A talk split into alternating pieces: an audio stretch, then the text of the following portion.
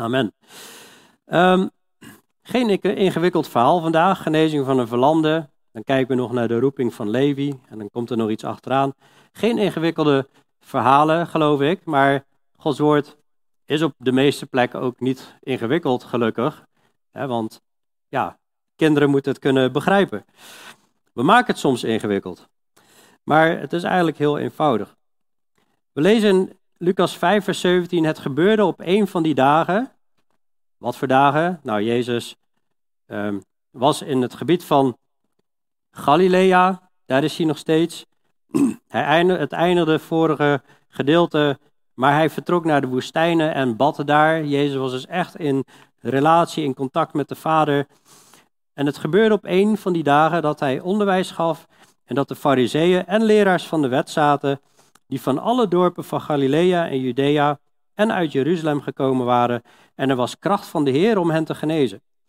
En zie, enkele mannen brachten op hun bed een man die verlamd was, en zij probeerden hem binnen te brengen en voor hem neer te leggen. Maar toen zij vanwege de menigte geen mogelijkheid vonden om hem naar binnen te brengen, klommen zij het dak op en lieten hem tussen de daktegels door met het bed neer in het midden voor Jezus. Nou, en dan gaat hij, uiteindelijk gaat hij deze man gaat hij genezen. Dit wordt een heel bijzonder verhaal. Dit is een heel bijzonder verhaal. Want hoe cool zou het zijn als we een, een, een, een, een genezing hebben, zouden kunnen zien waarvan je kan zeggen, nou, dit, dit, dit staat onomstotelijk vast. Deze, een persoon was eerst verlamd en, en nu is hij genezen en dat een arts dit ook nog gaat bevestigen en verifiëren. Dat zou toch cool zijn, of niet? Dat hebben we hier. We hebben hier, Lucas is een arts. Lucas is een arts en ik weet niet of je nog kan herinneren, toen we begonnen in Lucas 1, daar schrijft hij, zoals een arts dat hoort te doen, het heeft ook mij goed gedacht, na alles van tevoren uh, na alles van vooraf aan nauwkeurig onderzocht te hebben, het geordend voor u te beschrijven, hooggeachte Theophilus, opdat u zekerheid kent van de dingen waarin u onderwezen bent. Lucas heeft alles grondig, grondig onderzocht. En nou, hij zal vast allemaal mensen gesproken hebben, en misschien die man zelf die genezen is. Maar hoe dan ook, het is voor nu ook het woord van God. En omdat het het woord van God is, mogen we er ook op vertrouwen dat dit naar waarheid is geschreven. Je ziet ook dat die, die plaatsnamen en zo, die allemaal genoemd worden, dat is gewoon allemaal geschiedenis. We weten ook dat dit verhaal, hoewel het hier niet staat, dit verhaal is ook in het uh, evangelie van Matthäus en het evangelie van Marcus omschreven. En dan blijkt dat uh, dit plaatsvindt in Capernaum. Capernaum. Capernaum, dat ligt hier. Capernaum werd uh, voor een bepaalde periode ook een soort van het hoofdkwartier van waaruit Jezus opereerde en hij heeft hier ook veel gedaan. Onder andere dit verhaal. Hij gaf onderwijs en er waren fariseeën en leraars van de wet. Nou, voordat ik even inga op die fariseeën en leraars van de wet. We weten ook dat dit, nou weten ook, dat is misschien iets te sterk gezegd. We vermoeden dat, moet ik eerder zeggen, dat dit in, in, in, een, in een woning is geweest van een, waarschijnlijk een welvarend iemand, een rijk iemand. Omdat uh, er wordt hier gesproken in vers 19 over dat die man werd door daktegels naar beneden gelaten. En dat werd heel vaak bekritiseerd dat huizen in die tijd daktegels zouden hebben, maar die zijn wel gevonden. En nou, dat waren vaak de, de, wat uh, luxere woningen. Dus het kan zijn dat dit best een redelijke ruimte is waar Jezus onderwijs aan het geven is in, in, dit, uh, nou, in dit gebouw. En uh, nou, er zijn in ieder geval, uh, hij gaf onderwijs en er waren fariseeërs en, en, en, leraars van de, van de wet. Die zitten daar ook, of ook bij in ieder geval. En fariseeën, daar moeten we heel even bij stilstaan. Uh, Auke heeft vorige week al iets daarover genoemd, maar je had in de tijd van Jezus had je eigenlijk twee voornaamste groepen Joden. Je had Fariseeën en je had Sadduceeën. En Fariseeën, eigenlijk vanuit Bijbels perspectief, als we toetsen hun leer aan de Bijbel, deden Fariseeën die voegden toe aan het woord van God en Sadduceeën die deden af van het woord van God. Die geloofden niet in opstanding, die geloofden niet in uh, nou, uh, gebeuren met engelen en zo. Maar Fariseeën, die hadden eigenlijk een, eigenlijk, een, eigenlijk een eigen wetsysteem erbij bedacht. En Jezus gaat ze ook vaker aanspreken van, jullie zet het gebod van God terzijde om je, eigen, om aan je eigen overleveringen te houden. Een, een, een verwijt wat hij ook naar hen maakt is, jullie, jullie naderen mij met je mond, maar je hart is ver van mij. dat waren allemaal klachten die Jezus tegen hun inbracht. Ze waren ook heel goed in bepaalde regeltjes volgen, vertienen, tiende geven van de dille, komijn en de munt van hun moestuintjes. Daar waren ze heel precies mee bezig. Maar het belangrijkste, zei Jezus, is het recht, de barmhartigheid en het geloof, dat laat je na. Deze dingen moet je doen en de andere niet nalaten. En we zien eigenlijk vanaf hier dat de fariseeën, een stuk of vier, vijf sessies zijn ze aanwezig bij wat Jezus doet. En wat, wat doen ze? Continu hebben ze kritiek, kritiek, kritiek, kritiek.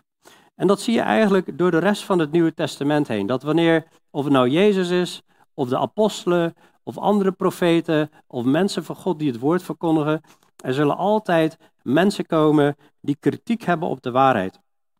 En dat is een gevaarlijke geest, de geest van kritiek. En dat moeten we niet verwarren, heeft Auke vorige keer ook al uh, even, even kort aangestipt. En dat moeten we niet verwarren met beproefde geesten of ze uit God zijn. we moeten wel degelijk leringen toetsen en toetsen of iemand een ware leraar is of een valse profeet. Maar wanneer iemand een, een, een, een waarheid getrouw is en het woord van God spreekt, in dit geval Jezus zelfs, um, en dat wordt bekritiseerd, dan is dat natuurlijk heel erg.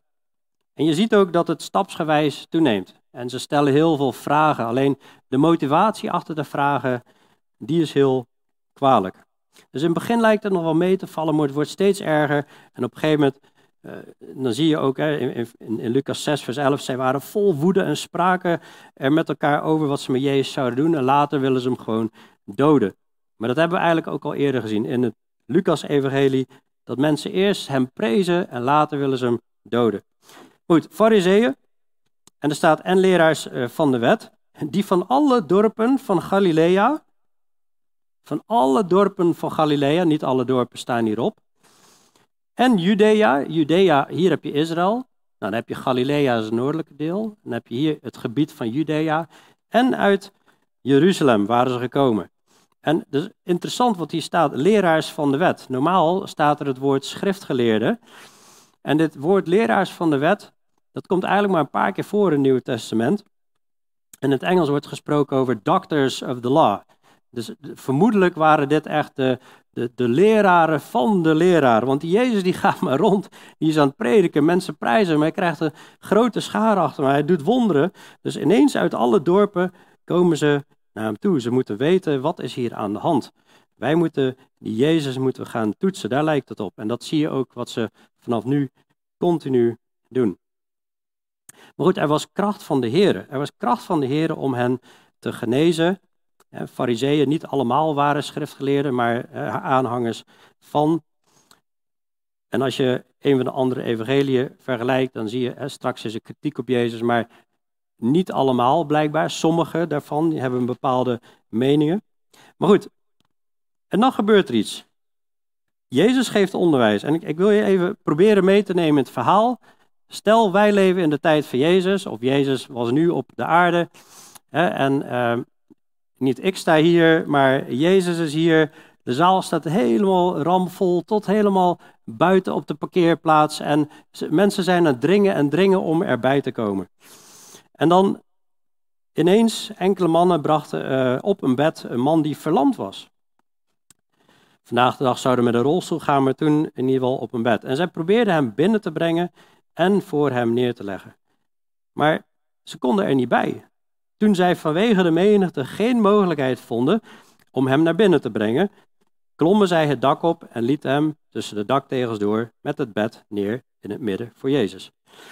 Nou goed, wij hebben hier ook een, uh, uh, als je om het gebouw loopt, ook een brandtrap naar boven. Maar in die tijd had je platte daken en woningen waren van, van buitenaf waren ze uh, bereikbaar met een trap vaak. Dus deze mensen die lopen naar die trap, ze klimmen het dak op en lieten hem tussen de daktegels door met het bed neer in het midden voor Jezus. Dus dat is wel bijzonder. Jezus is aan het aan, aan het preken, hij, hij, hij, is onderwijs aan het geven. En ja, ze hadden blijkbaar ook niet de mogelijkheid om te roepen of zo, maar ze willen naar Jezus toe. En, en ze denken misschien, hij is nu in ons dorp, hij is nu in onze, wijk, in onze wijk. Wij, wij kunnen niet 20 kilometer met hem lopen, maar dit is onze kans. Nu moeten wij bij Jezus komen. Jezus die doet wonderen. En Jezus geeft onderwijs en letterlijk het dak gaat eraf. want ze, nou ja, goed, dit zijn dan betonplaten, maar ze, ze, hadden de mogelijkheid die daktegels eraf te halen. Misschien dachten ze wel, ja, Jezus is toch timmerman, dus dat komt allemaal wel goed. En, maar ze klimmen het dak op en ze laten die man door de daktegels naar beneden met het bed neer in het midden voor Jezus. Ineens is die man, die staat, nou, staat, die ligt voor Jezus. En toen Jezus hun geloof zag, zei hij tegen hem: Man, uw zonden zijn u vergeven. Wacht even. Ze kwamen hier toch. Wacht even, ze hebben een verlamde man, die nemen ze mee naar Jezus. Met welk doel denk je? Dat hij genezen mag worden, toch? Dat hij misschien mag gaan staan en mag gaan lopen. En Jezus ziet een geloof en, en zegt tegen uw zonden zijn u vergeven. Misschien moeten mensen wel gedacht hebben, wacht even, heb je niet in de gaten waar hij voor komt? Hij komt om op te staan, om genezen te worden. En de schriftgeleerden en de fariseeën begonnen te overleggen, wie is deze man die godslastering spreekt? Wie kan zonde vergeven dan God alleen? Maar Jezus, die een overweging kende, antwoordde hen en zei tegen hem, wat overlegt u in uw hart? Wat is gemakkelijker te zeggen, uw zonden zijn u vergeven, of te zeggen, sta op en ga lopen? Maar opdat u zult weten dat de Zoon des Mensen macht heeft op aarde om zonde te vergeven, ik zeg u, sta op, neem uw bed op en ga naar huis. En die man, die staat op en die loopt weg. Dat is echt heel erg bizar.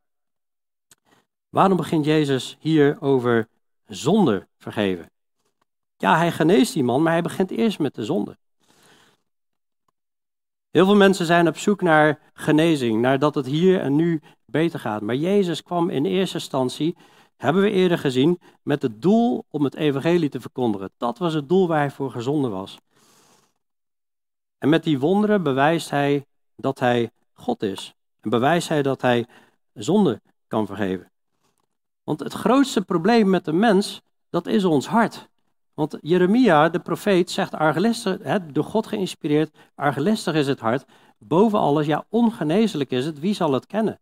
Ons hart is door en door verdorven. It's desperately wicked, zeggen Engelse vertalingen. Het is door en door verdorven. En wil zondigen, wil in opstand komen tegen God, wil niet de wil van God doen. En de Bijbel noemt dat, dat hart is ziek. Dat is de echte ziekte die ervoor gezorgd heeft dat er heel veel fysieke ziekten zijn in de wereld. De, die heeft, de eerste zonde leidde tot de gebrokenheid van de schepping. Het loon van de zonde is de dood.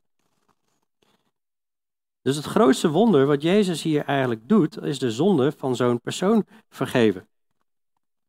We zien ook in 1 Petrus 2, vers 24, dat Jezus heeft zelf onze zonde in zijn lichaam gedragen op het hout, opdat wij voor de zonde dood voor de gerechtigheid zouden leven. Door zijn striemen bent u genezen. Want u was als dwalende schapen, maar u bent nu bekeerd tot de herder en opziener van uw zielen. Dat is interessant, hè? want dit komt uit de profeet Jezaja, daar, die wordt hier geciteerd. Maar ook in de profeet, wanneer profeet Jezaja dit aanhaalt, door zijn striemen bent u genezen, dat gaat over het dealen met de zonde. En hier zie je ook dat door zijn striemen bent u genezen, want dat houdt in, u was als dwalende schapen, weg van God, maar u bent nu bekeerd tot de herder en opziener van uw zielen. Echte genezing is wanneer je tot bekering komt en in relatie met God komt en je van binnen een nieuwe schepping mag worden.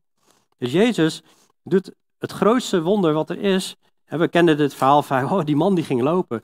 Maar eigenlijk is het grootste wonder dat Jezus deze man vergeving schenkt en hem eeuwig leven geeft en zorgt dat hij een nieuwe schepping is met een nieuw hart. Een nieuw mens maakt hij van hem. Dus dat is bijzonder. Hij zag hun geloof. Nou, hun, ik denk dus van die man en degene die hem brachten. Misschien waren het zijn broers, misschien waren het zijn vrienden, misschien waren het zijn kinderen. Maar hij zag hun geloof, spreekt die man aan, zegt: Uw zonden zijn u vergeven. Maar dat is nogal wat. Hoe kun je nou zeggen: Je zonden zijn je vergeven? Met welk gezag kun jij zomaar dat zeggen? Er, waren helemaal geen mensen die zomaar zonde konden vergeven. Alleen God kon zonde vergeven. Hij zei, uw zonden zijn u vergeven. Dus ofwel, de fariseeën hebben eigenlijk een punt en de schriftgeleerden, de schriftgeleerden en fariseeën begonnen te overleggen, wie is deze man die godslastering spreekt? Wie kan zonde vergeven dan God alleen? Hier hebben ze eigenlijk wel een punt. En er kan maar één zonde vergeven, dat is God. Dus of deze man is God aan het lasteren, of deze man is echt God. Eén van de twee. Dus op zich is het, tot hier is het een terechte vraag. En het is geweldig hoe Jezus daarop antwoordt.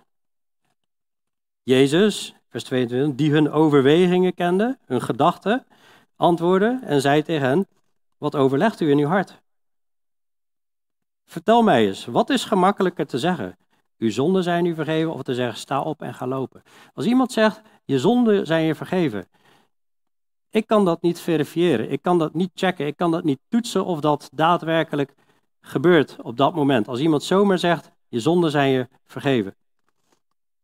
Maar wat kun je wel toetsen als een verlamde man, die, we weten niet hoe lang die verlamd was, misschien een half jaar, misschien tien jaar, misschien vanaf zijn geboorte, dat is allemaal heel erg, maar ik kan verifiëren als een verlamde man niet kan lopen en, dan ineens springt hij op en hij kan, kan lopen, dat kun je verifiëren. Maar wat is nou moeilijker? Wat is makkelijker van die twee?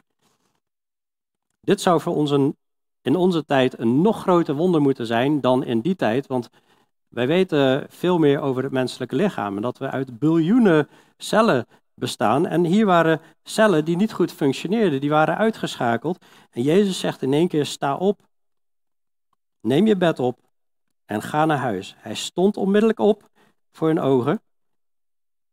Dit is eigenlijk naast dat hij genezen was, hij stond op en hij gaat gewoon naar huis. Er gebeurt hier meer, hè? dus hij, hij wordt genezen. En nou, ik heb recentelijk iemand gezien, die had een been gebroken, die moet al zes weken in gips en dan gaat het gips eraf. En dan moet die persoon eigenlijk weer opnieuw leren lopen. En dat zag er eigenlijk nog best een beetje ja, grappig uit ook. Grappig, apart, laat ik zo zeggen. Maar hier lijkt het zo te zijn, die man wordt genezen. Die hoeft ook niet te revalideren. Zijn spieren zijn weer aangesterkt. Hij kan ook meteen weer lopen. Dus een soort driedubbel wonder. Zijn zonden worden vergeven. Hij wordt genezen en hij kan meteen lopen. Dit is echt bizar. En ik denk dat Jezus hier heel krachtig dus bewijst, hij is God. Maar goed, even terug naar uh, dat, dat, dat stukje van geloof. Hè. Daarom is als iemand in Christus is, is hij een nieuwe schepping en het oude is voorbij gegaan. Alles is weer nieuw geworden. Maar Jezus ja, vergeeft hier dus die zonde van die man. Hij zegt eigenlijk van wie kan zonde vergeven dan God alleen.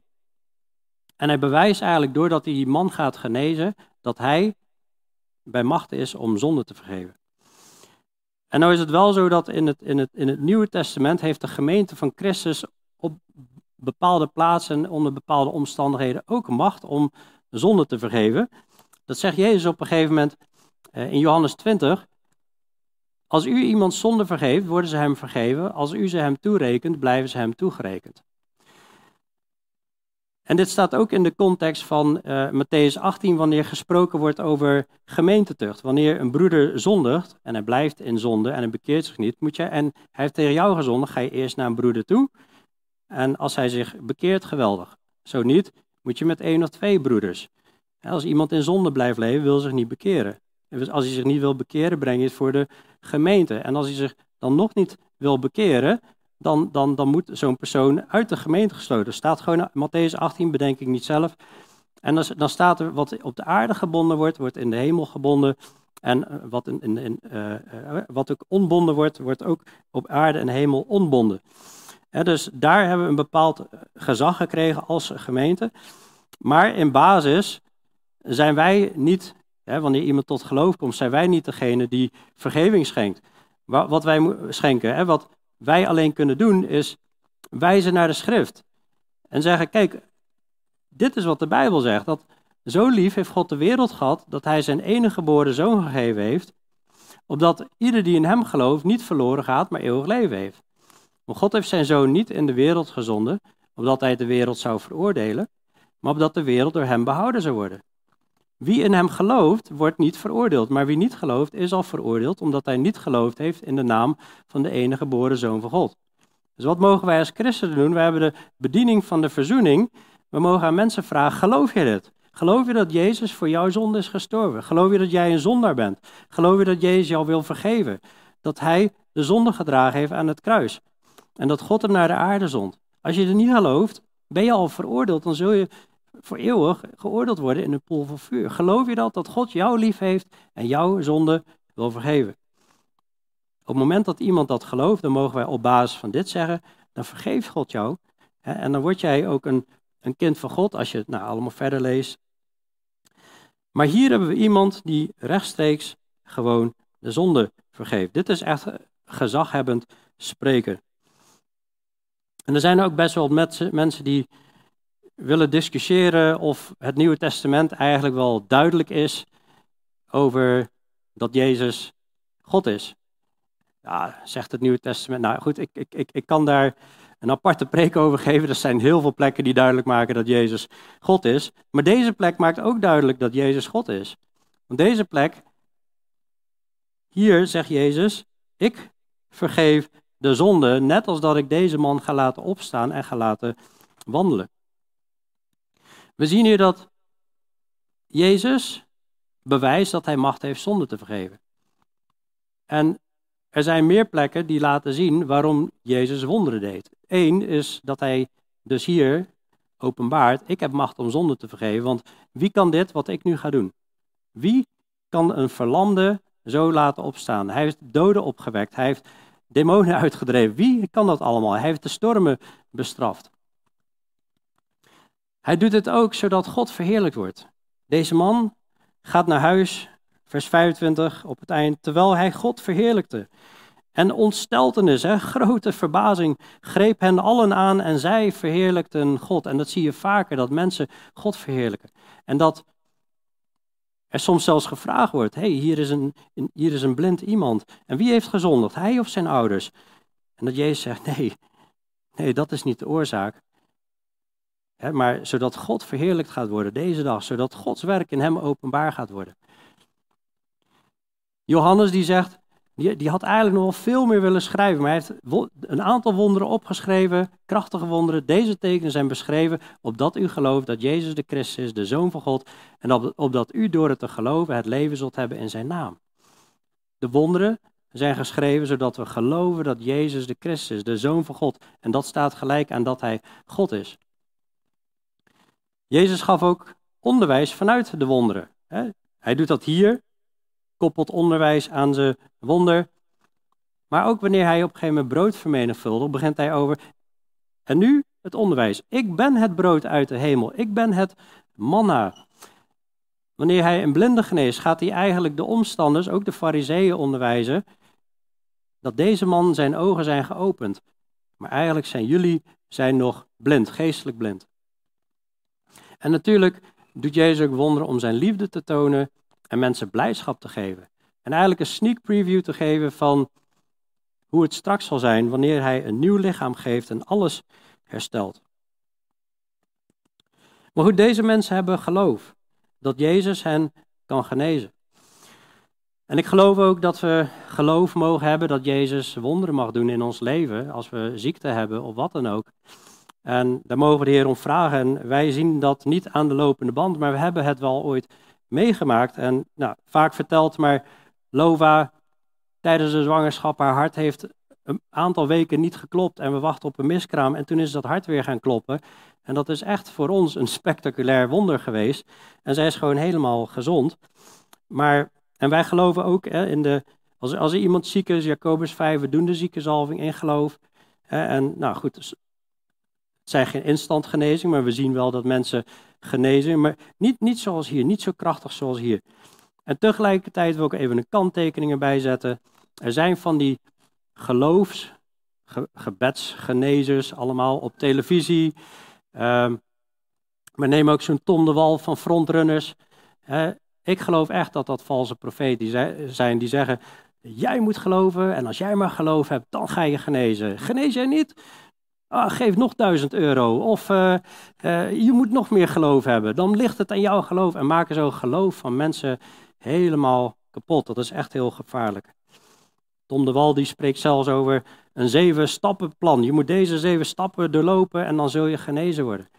Terwijl Paulus op momenten raakte mensen zijn kleren aan en genazen de mensen. Terwijl op andere momenten moest hij Trofimus ziek achterlaten. En moest hij Timotheus, die moest wijn drinken vanwege zijn veelvuldige kwalen en, en, en maagklachten.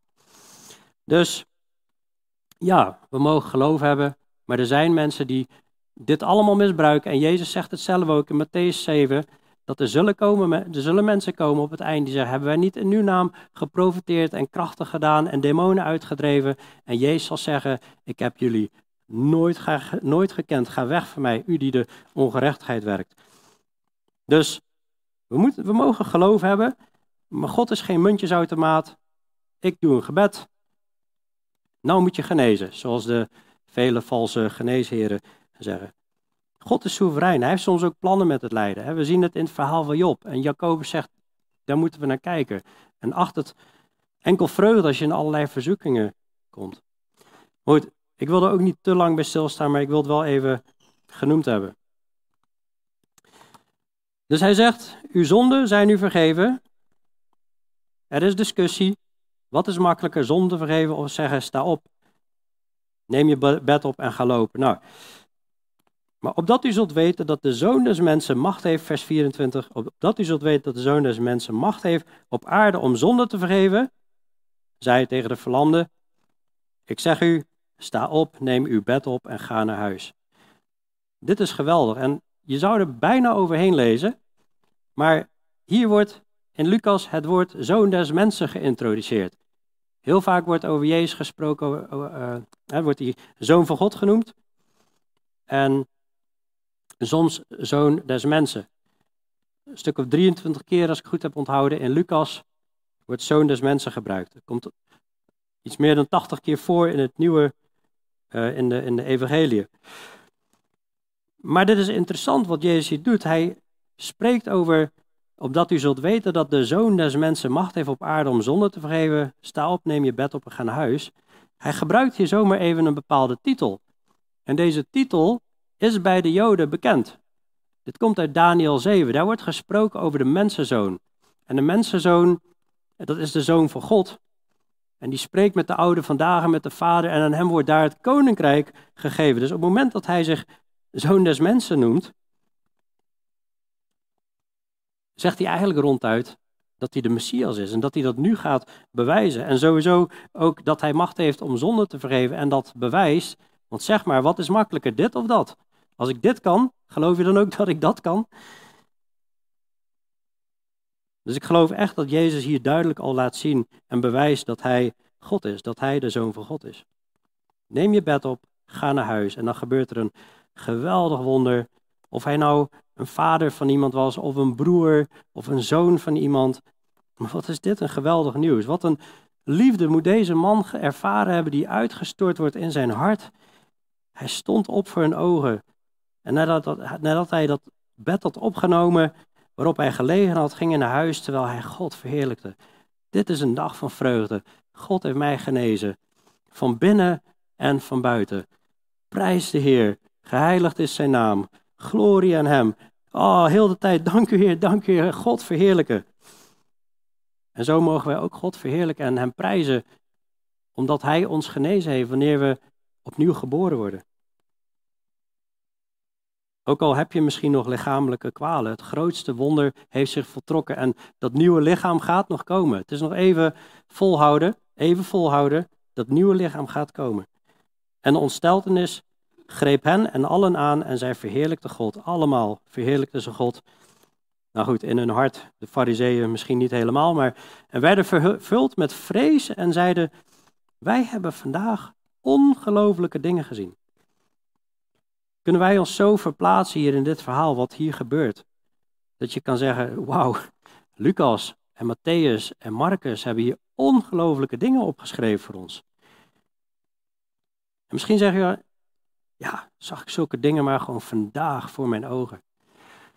daar wil ik even op reageren, want in Lucas 16 is een verhaal van een rijke man die in de hel zit, in het vuur. En Lazarus, die bij Abraham is, dus eigenlijk in het paradijs. En daar is een gesprek. En die rijke man, die zegt tegen Abraham, oh, dat, dat er toch mensen zouden opstaan uit de dood en dat aan mijn broers zouden vertellen, dan zouden ze het geloven. En wat zegt Jezus in die gelijkenis, eigenlijk door Abraham?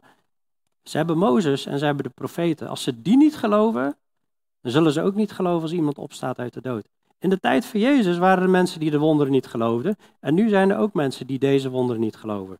En of het nou voor je neus gebeurt of niet, in beide gevallen is geloof nodig.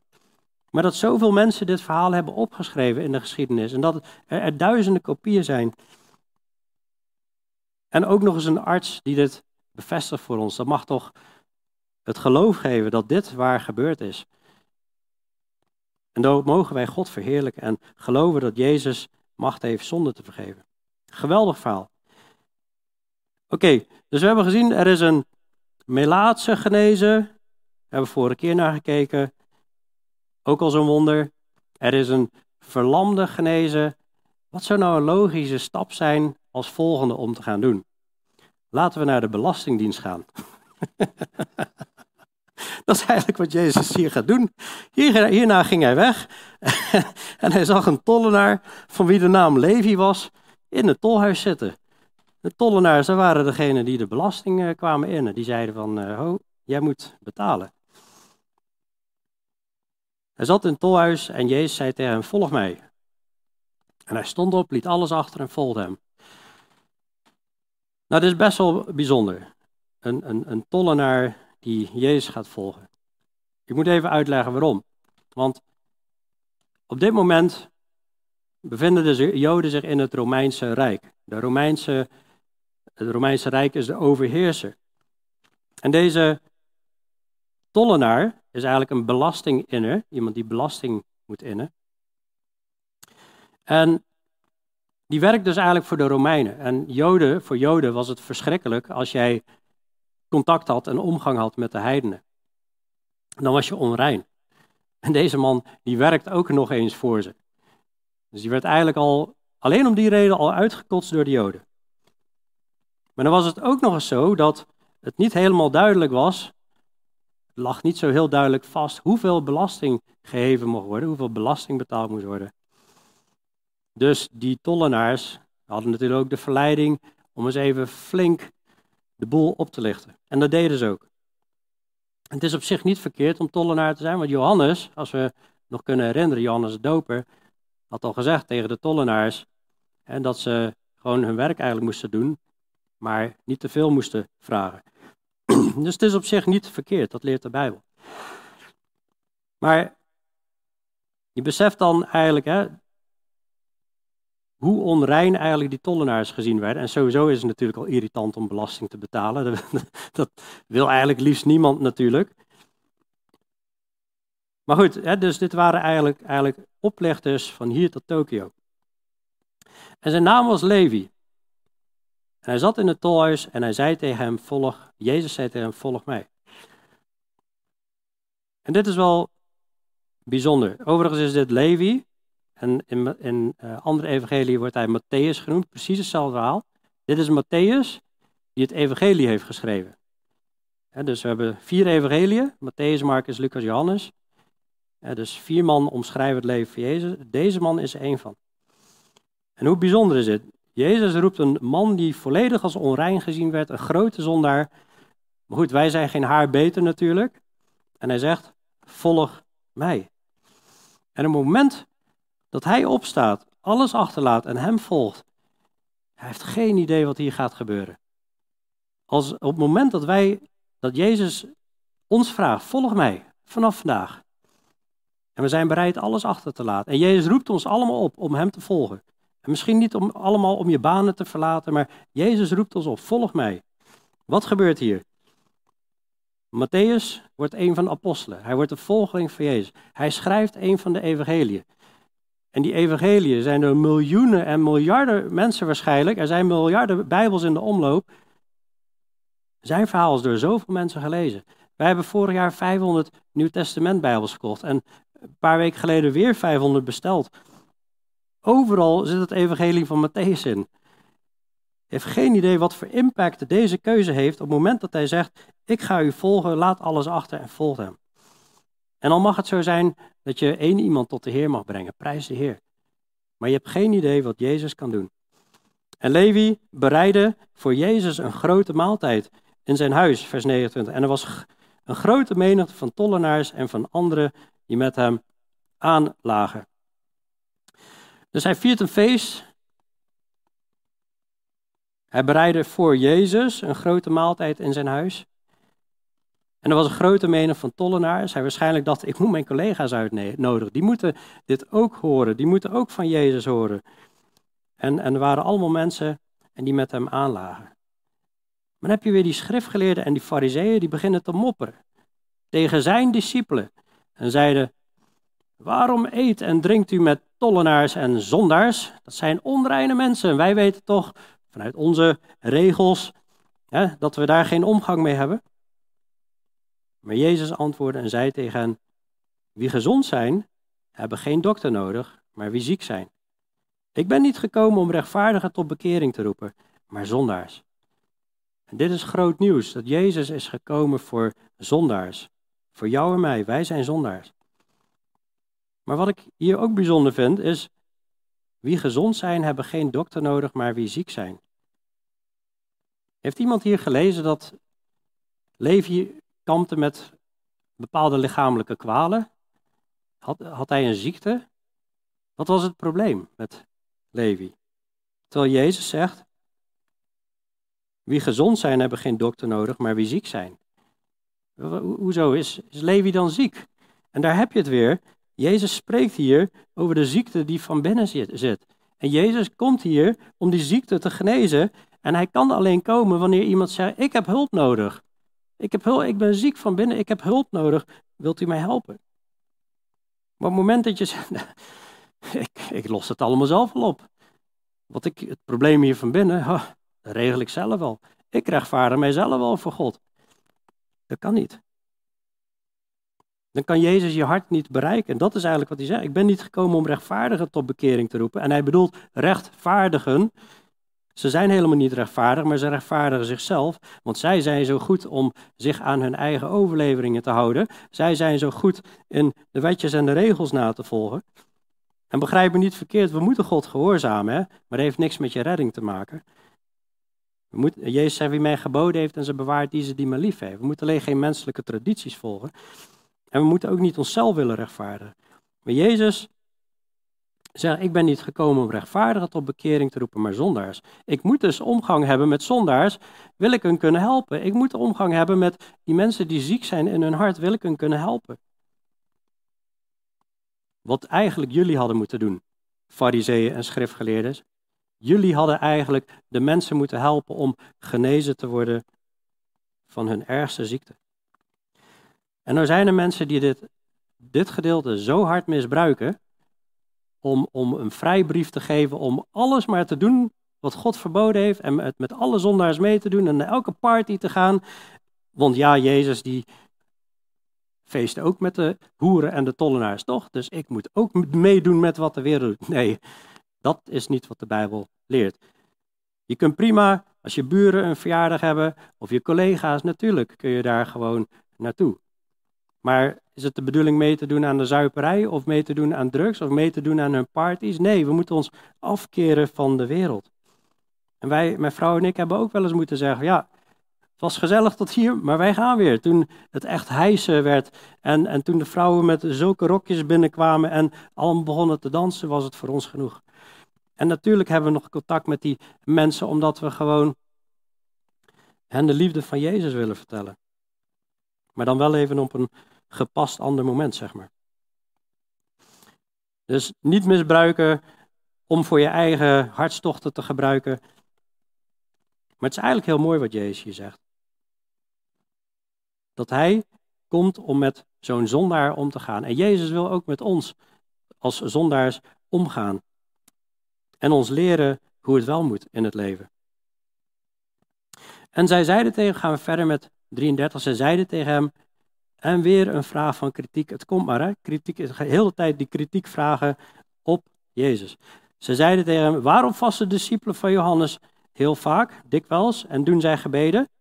Ja, daar zien we aan de buitenkant van alles. En evenzo ook de discipelen van de Fariseeën. Maar die van u eten en drinken, die van u, die eh, doen net of het hier een feestje is.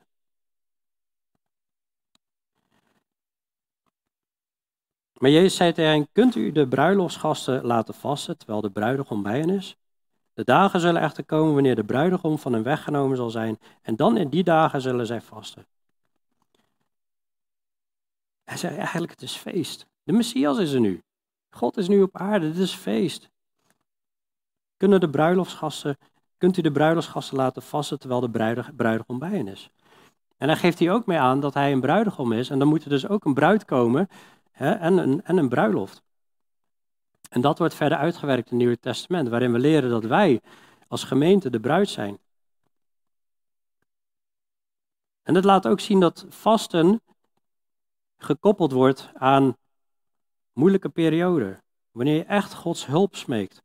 Er zullen dagen komen wanneer de bruidegom van hen weggenomen zal zijn. Dan in die dagen zullen ze vasten. Ineens raakt het een beetje in een, hmm, dit klinkt niet zo heel fijn, dit gaat stoppen. Hij geeft hier eigenlijk al aan dat de bruidegom zal op een keer weggaan. We weten dat Jezus, gaat hij vaak uitleggen, hij moet gekruisigd worden. Hij moet sterven. Hij moet opstaan en hij moet naar de hemel opgenomen worden. Hij zei, ik moet weggaan, anders kan de Heilige Geest, de trooster, niet komen. De geest van Christus gaat zelf in ons wonen. Maar goed, in die periode, en dat is nu nog, zullen zij vasten. We hebben een preek op YouTube staan over de kracht van het vasten, waar we eigenlijk heel diep ingaan op het vasten. Wil ik nu niet heel diep op ingaan. Ik wil ingaan op de laatste paar versen, waarin Jezus, hij spreekt een gelijkenis. Hij, eigenlijk komt hij hier met drie hele korte verhaaltjes. Hele korte. Hij sprak ook tot hen een gelijkenis. Hij zegt eigenlijk van, jongens, ik wil jullie nou iets leren. Jullie zijn allemaal kritiek aan het leveren. Waar, waar is jullie kritiek op gebaseerd? Op wat jij al kent. Maar hij gaat uitleggen, er komt iets nieuws aan. dit heet het Nieuwe Testament, het Nieuwe Verbond. Hij gaat nu uitleggen, er komt een nieuw verbond.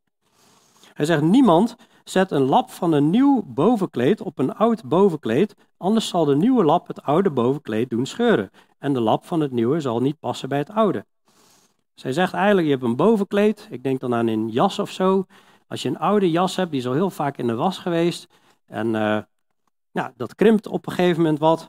En als je, als je daar splinternieuwe, een, van, een, van een nieuwe jas een splinternieuwe lap erop gaat zetten, dat gaat, als dat krimpt, dat nieuwe lapje, dan gaat het alle, alles scheurt kapot. Dit gaat niet werken als je het oude met het nieuwe wil vermengen. En eigenlijk zegt hij nog een keer hetzelfde. Niemand doet, een nieuwe, uh, doet nieuwe wijn in oude leren zakken, anders zal de nieuwe wijn de zakken doen barsten. En de wijn zal eruit stromen en de zakken zullen verloren gaan. Maar nieuwe wijn moet men in nieuwe zakken doen en beide blijven ze behouden. Als je oude leren zakken hebt en je doet daar nieuwe wijn in, wat nog wat doorfermenteert, dat komt wel gas bij, poef, zegt zo'n zak. Nee, je doet nieuwe wijn in nieuwe zakken, anders gaat het niet werken. Jezus zegt eigenlijk, hier opnieuw, wat ik aan het brengen ben, wordt een compleet iets nieuws. We gaan het helemaal nieuw maken. En dan op het eind zegt hij nog, niemand die oude wijn drinkt, wil meteen nieuwe, want hij zegt, de oude is beter. Wat eigenlijk jullie probleem is, zegt hij, Heel veel mensen willen gewoon bij het oude blijven. Ik kom iets nieuws brengen, maar jullie denken, hé, hey, het oude is beter. Nee, het oude is niet beter, het nieuwe is beter. Maar jullie denken dat het oude beter is. Jullie zijn nu alles aan toetsen op basis van het oude. Maar ik kom een nieuw verbond brengen. Dat is eigenlijk wat Jezus zegt. En eigenlijk zie je door de Bijbel heen dat men van alles heeft geprobeerd om bij God te komen. Al in de, bij, bij, in, de bouw van de toren van Babel met eigen religies. En we hebben zoveel religies die proberen bij God te komen. Uh, Kain had eigen ideeën. De Israëlieten proberen soms met de goede werken bij God te komen. Maar er is maar één manier om bij God te komen. En dat is alleen door het geloof. En er komt een nieuw verbond waarin Jezus al het oude, het oude verbond gaat vervullen. Hij gaat dat compleet vervullen. Hij, we hebben geen aardse offers meer nodig, geen dieren, maar Jezus is het volmaakte offer. Hij vervulde de wet. En er is een, een Bijbelboek wat hier heel krachtig over spreekt, maar dat gaan we ja, natuurlijk niet allemaal nu nog bespreken. Maar ik wil even gewoon een paar versen laten zien. Jezus komt als nieuwe hoge priester, een geestelijke grote hoge priester, uit de stam van Juda. Terwijl de priesters alleen maar uit het Oude Testament uit Levi mochten komen, uit de stam Levi. En dan zegt Hebreeën 7, vers 12, als het priesterschap verandert, vindt er immers ook noodzakelijkerwijs een verandering van de wet plaats, omdat Jezus als grote hoge priester komt uit de stam van Juda, de leeuw van Juda, moest er een verandering van wet plaatsvinden. In Hebreeën 8, vers 6 staat, nu heeft Jezus een zoveel voortreffelijke bediening ontvangen, zoals hij ook van een beter verbond, een beter, uh, ja, oh ja, voor de kinderen een verbond, is eigenlijk dat er nieuwe afspraken komen, het nieuwe verbond. Hij is, hij is middelaar van een beter verbond dat in uh, betere belofte is vastgelegd. Immers, als dat eerste verbond onberispelijk geweest was, zou er voor een tweede geen plaats zijn gezocht. Want hem berispend zegt hij tegen hen: Zie, de dagen komen, spreekt de Heer, dat ik met het huis van Israël en met het huis van Juda een nieuw verbond zal sluiten. Hij haalt hier aan uit de profeet Jeremia dat dit al voorzegd was. Er komt een nieuw verbond.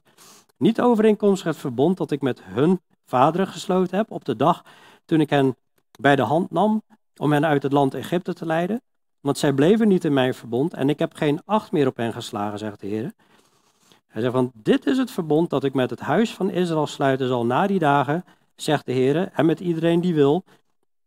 Staat hier niet, maar dat weten we uit het Nieuw Testament. En, en dan staat hier, ik zal mijn wetten in hun verstand geven en ik zal die in hun hart schrijven. Ik zal hun tot een God zijn en zij zullen mij tot het volk zijn. God is hier iets compleet nieuws aan doen. En dit gaat een complete vernieuwing worden van binnenuit. Ik ga mensen opnieuw geboren laten worden. Ik ga mijn geest en mijn wet in hun binnenste schrijven. En dan zegt Hebreeën 8, vers 13: Als hij spreekt van een nieuw verbond, heeft hij daarmee het eerste voor verouderd verklaard.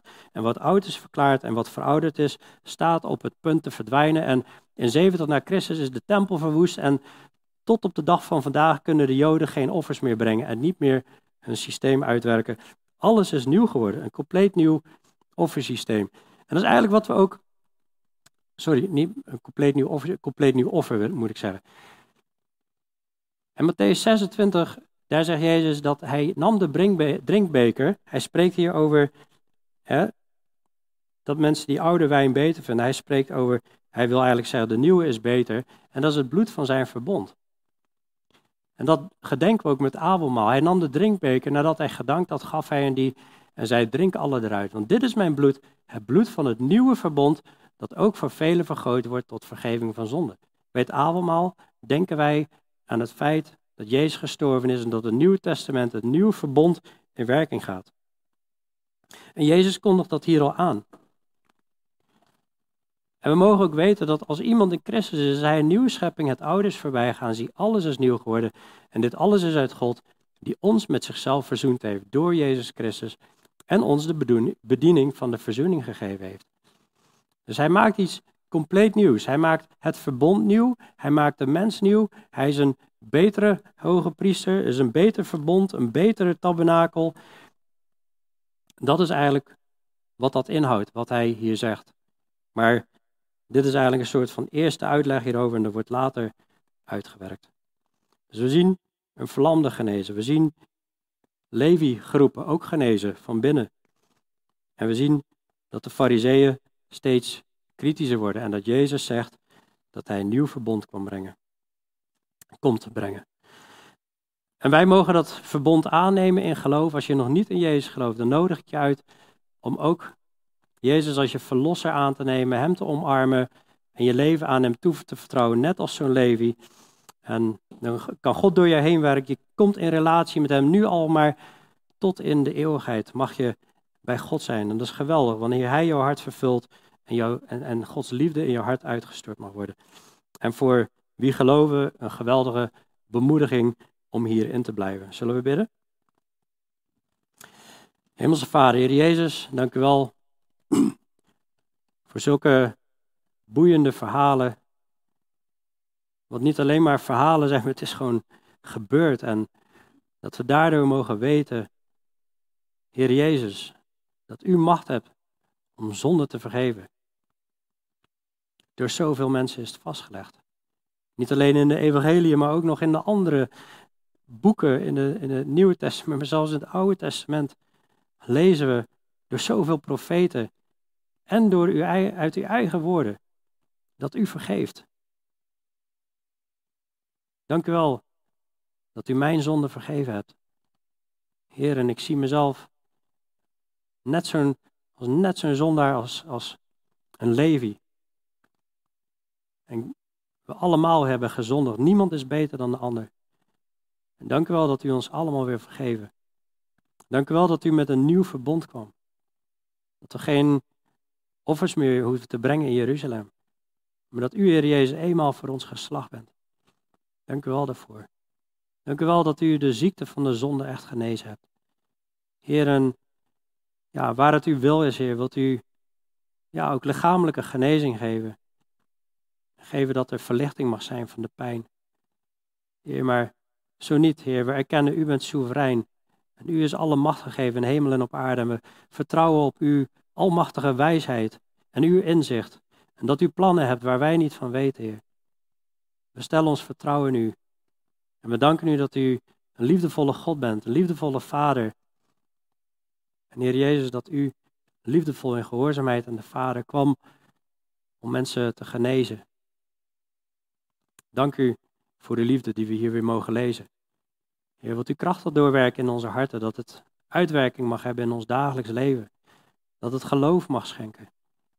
Heer, en dat we niet loslaten in deze verdorven, corrupte, corrupte wereld. Heer, wilt u ons vasthouden, ons beschermen. In Jezus' naam. Amen.